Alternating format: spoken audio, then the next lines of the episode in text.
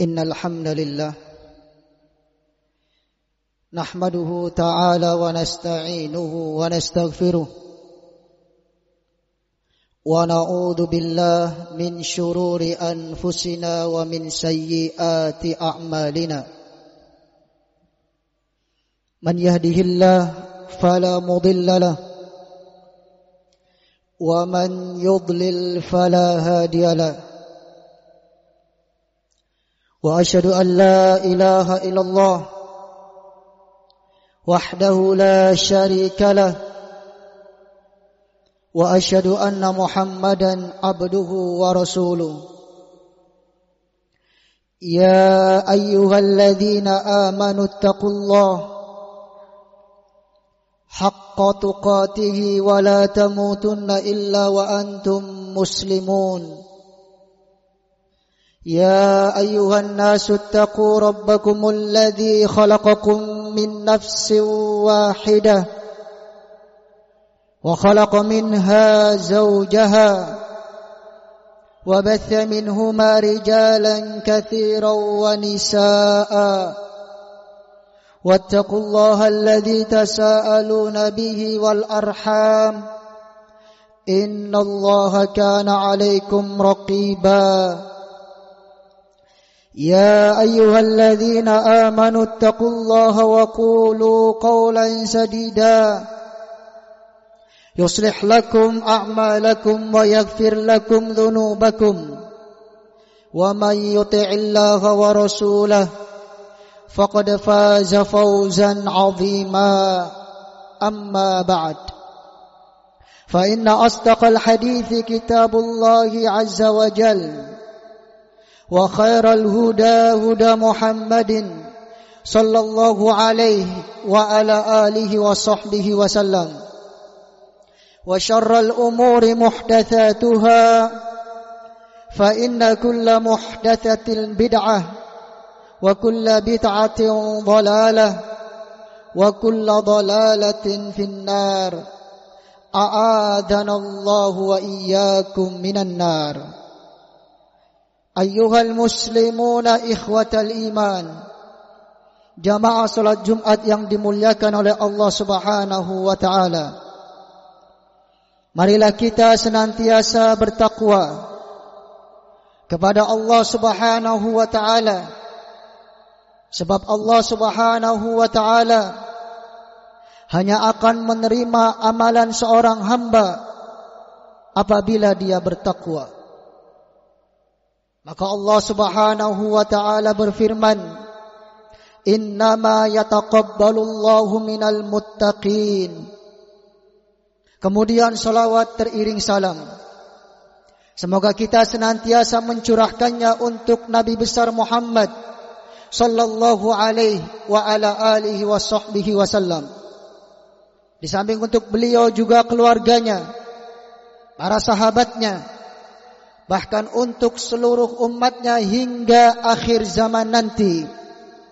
Ketika mereka mau meneladani sunnah Rasulullah sallallahu alaihi wa ala alihi washabbihi wasallam dengan baik. Maka kita harapkan kepada Allah Subhanahu wa taala dengan keagungan dan kemuliaannya. Semoga kita termasuk di dalamnya. Ma'asyiral muslimina ikhwatal iman jamaah salat Jumat yang dimuliakan oleh Allah Subhanahu wa taala. Seorang manusia terkadang Allah Subhanahu wa taala uji dengan jabatannya yang tinggi atau dengan harta bendanya yang banyak atau bahkan mungkin dengan ilmu dan ibadahnya yang lebih. Semua itu jelas adalah cobaan dari Allah Subhanahu wa taala. Sehingga dengannya akan diketahui siapakah di antara manusia yang selalu mengingat Allah Subhanahu wa taala dan menyadari meskipun berbeda-beda tingkatan mereka dalam urusan dunia tetap sama di sisi Allah Subhanahu wa taala.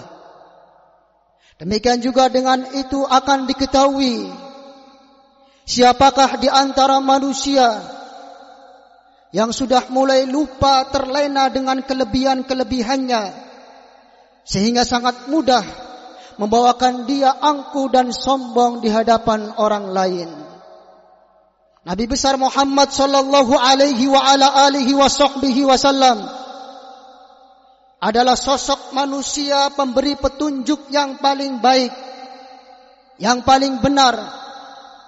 Maka telah diriwayatkan oleh Imam Hakim rahimahullah subhanahu wa ta'ala dan juga oleh Imam Al-Bukhari dalam kitab Adabul Mufrad melalui sahabat Nabi Ibnu Umar radhiyallahu taala anhuma sesungguhnya Nabi besar Muhammad sallallahu alaihi wa ala alihi wa sahbihi wasallam pernah bersabda Ma min rajulin yata'azamu nafsah wa yakhtalu fi masyih illa laqiya Allah tabaraka wa ta'ala yaumal qiyamah wa alaihi ghadban yang artinya kurang lebih tidaklah seorang pun yang selalu menganggap besar dirinya di hadapan yang lain berjalan dengan sifat angkuh dan sombongnya melainkan dia akan bertemu dengan Allah Subhanahu wa taala pada hari kiamat nanti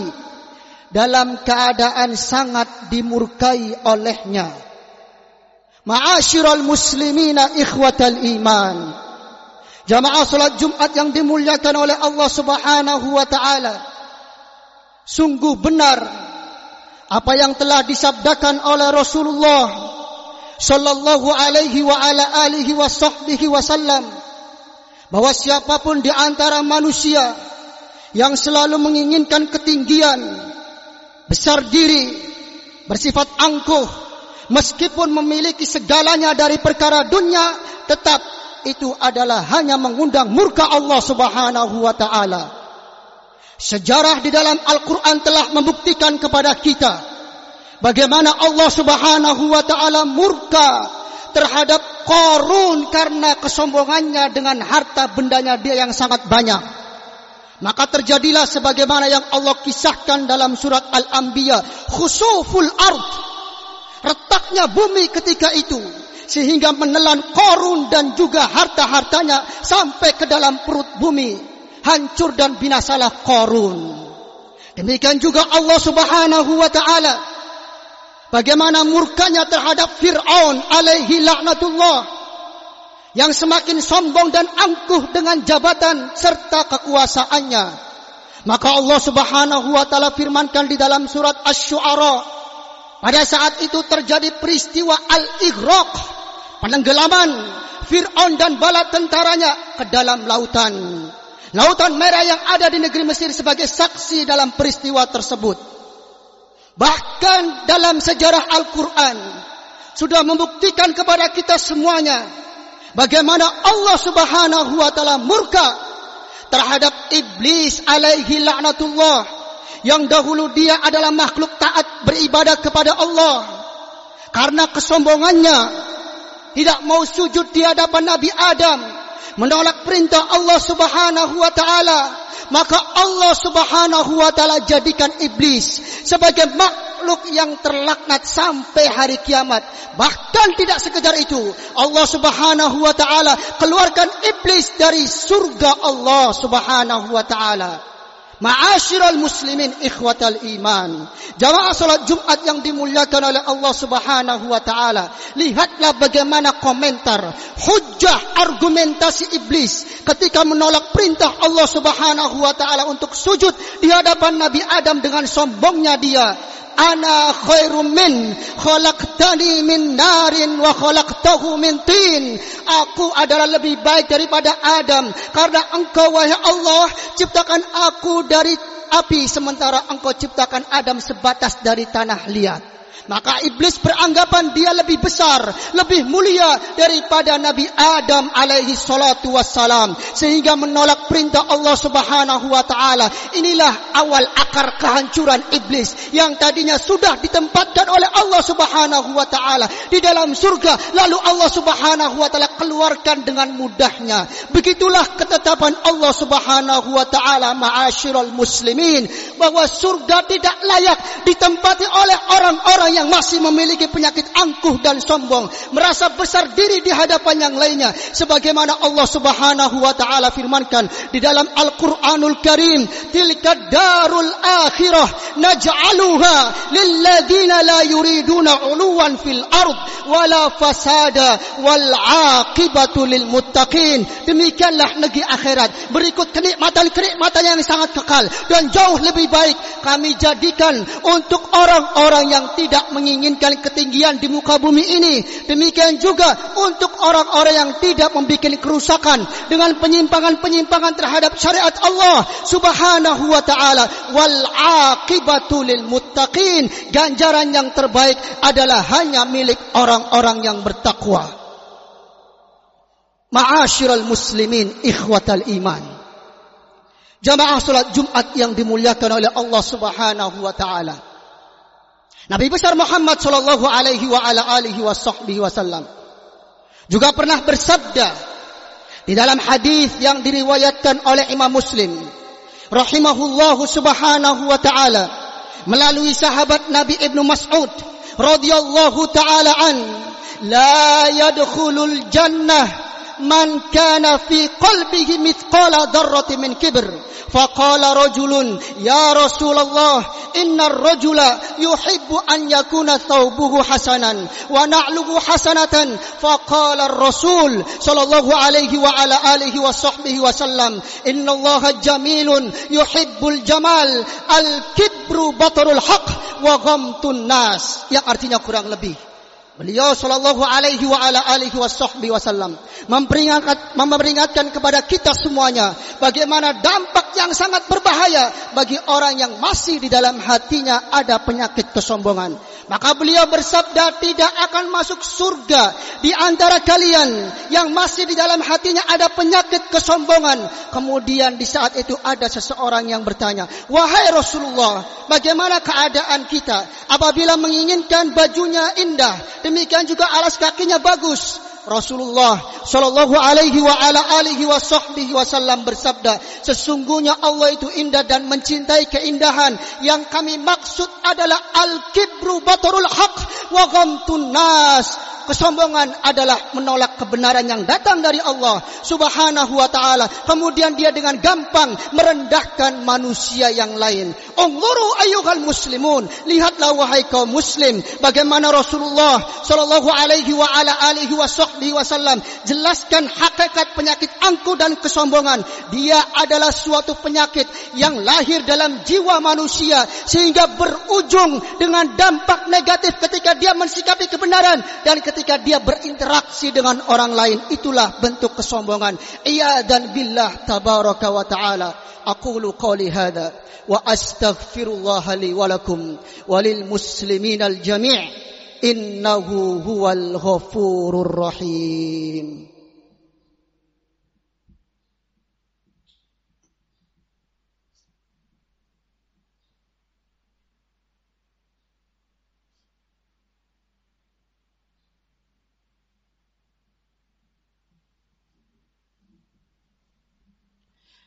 Alhamdulillah Wassalatu wassalamu ala rasulillah Wa ala alihi wa ashabihi wa man wala Wa ashadu an la ilaha illallah Wahdahu la sharika lah Wa ashadu anna muhammadan abduhu wa rasuluhu la nabiya ba'da Ayuhal muslimuna ikhwatal iman jamaah salat Jumat yang dimuliakan oleh Allah Subhanahu wa taala. Maka kesombongan secara hakikatnya adalah suatu penyakit jiwa yang ada di dalam tubuh manusia yang nanti ujungnya adalah memiliki dampak negatif ketika dia mensikapi kebenaran dan ketika dia bergaul berinteraksi dengan orang lain maka demi Allah apabila penyakit ini masih kita pertahankan dalam jiwa kita niscaya menjadikan kita semakin jauh dari Allah Subhanahu wa taala. Bahkan mungkin nantinya kita tidak mau beribadah kepada Allah Subhanahu wa taala. Inilah akar kehancuran kita semua. Sebagaimana Allah Subhanahu wa taala berfirman di dalam Al-Qur'anul Karim Wa qala rabbukum ud'uni astajib lakum. Innal ladzina yastakbiruna an ibadati sayadkhuluna jahannama dakhirin. Dan berkatalah Rabb kalian, berdoalah kalian kepadaku. Sesungguhnya orang-orang yang tidak mau berdoa, tidak mau beribadah karena dia sombong, niscaya aku akan palingkan dia sehingga dia masuk ke dalam neraka jahanam dalam keadaan hina dina. Demikian juga wallah kesombongan apabila kita pertahankan di dalam jiwa kita tidak mampu untuk merendah diri di hadapan merendah hati di hadapan yang lain. Niscaya hal ini mengakibatkan kita menolak aturan sunnah Rasulullah sallallahu alaihi wa ala alihi wasallam. Karena kita beranggapan kita lebih mulia dari sekedar menjalankan sunnah Rasulullah sallallahu alaihi wa ala alihi washabbihi wasallam itulah bentuk kesombongan sebagaimana yang Rasulullah sabdakan pernah suatu kita pernah suatu ketika dalam riwayat Imam Muslim melalui sahabat Nabi Salamah bin Al-Aqwa ada seseorang yang makan memakai dengan tangan kirinya kemudian Rasulullah berusaha untuk menasihati orang tersebut kul biyaminik makanlah kamu dengan tangan kananmu. Lalu dia menjawab, la astati' Aku tidak bisa. Padahal tangan kanannya masih sehat. Kemudian Rasulullah ulangi perintahnya, kul biyaminik. Makanlah dengan tangan kananmu. Karena ini petunjuk yang benar. Dia menjawab lagi, tidak bisa. Akhirnya Rasulullah sallallahu alaihi wa ala alihi wa wasallam mengulangi kalimat dengan yang ketiga kalinya ma mana'aka illa al-kibr tidak ada yang mencegah kamu untuk mentaati perintahku ini kecuali karena kesombongan dari kamu. Ayuhal muslimun ikhwatal iman. Jamaah salat Jumat yang dimuliakan oleh Allah Subhanahu wa taala. Siapapun di antara manusia, apakah dia pejabat, apakah dia rakyat, apakah dia pengusaha, apakah dia miskin, apakah dia muda ataupun dia tua, apabila dia tidak mau merendah merendah hati di hadapan orang lain, bahkan dia selalu menganggap dirinya besar, pasti akan mengundang siksa Allah Subhanahu wa taala. Sebab kesombongan hanyalah dimiliki oleh Allah Subhanahu wa taala. Siapapun di antara kita yang berupa yang berusaha merebut darinya, maka niscaya Allah akan menyiksa kita semuanya.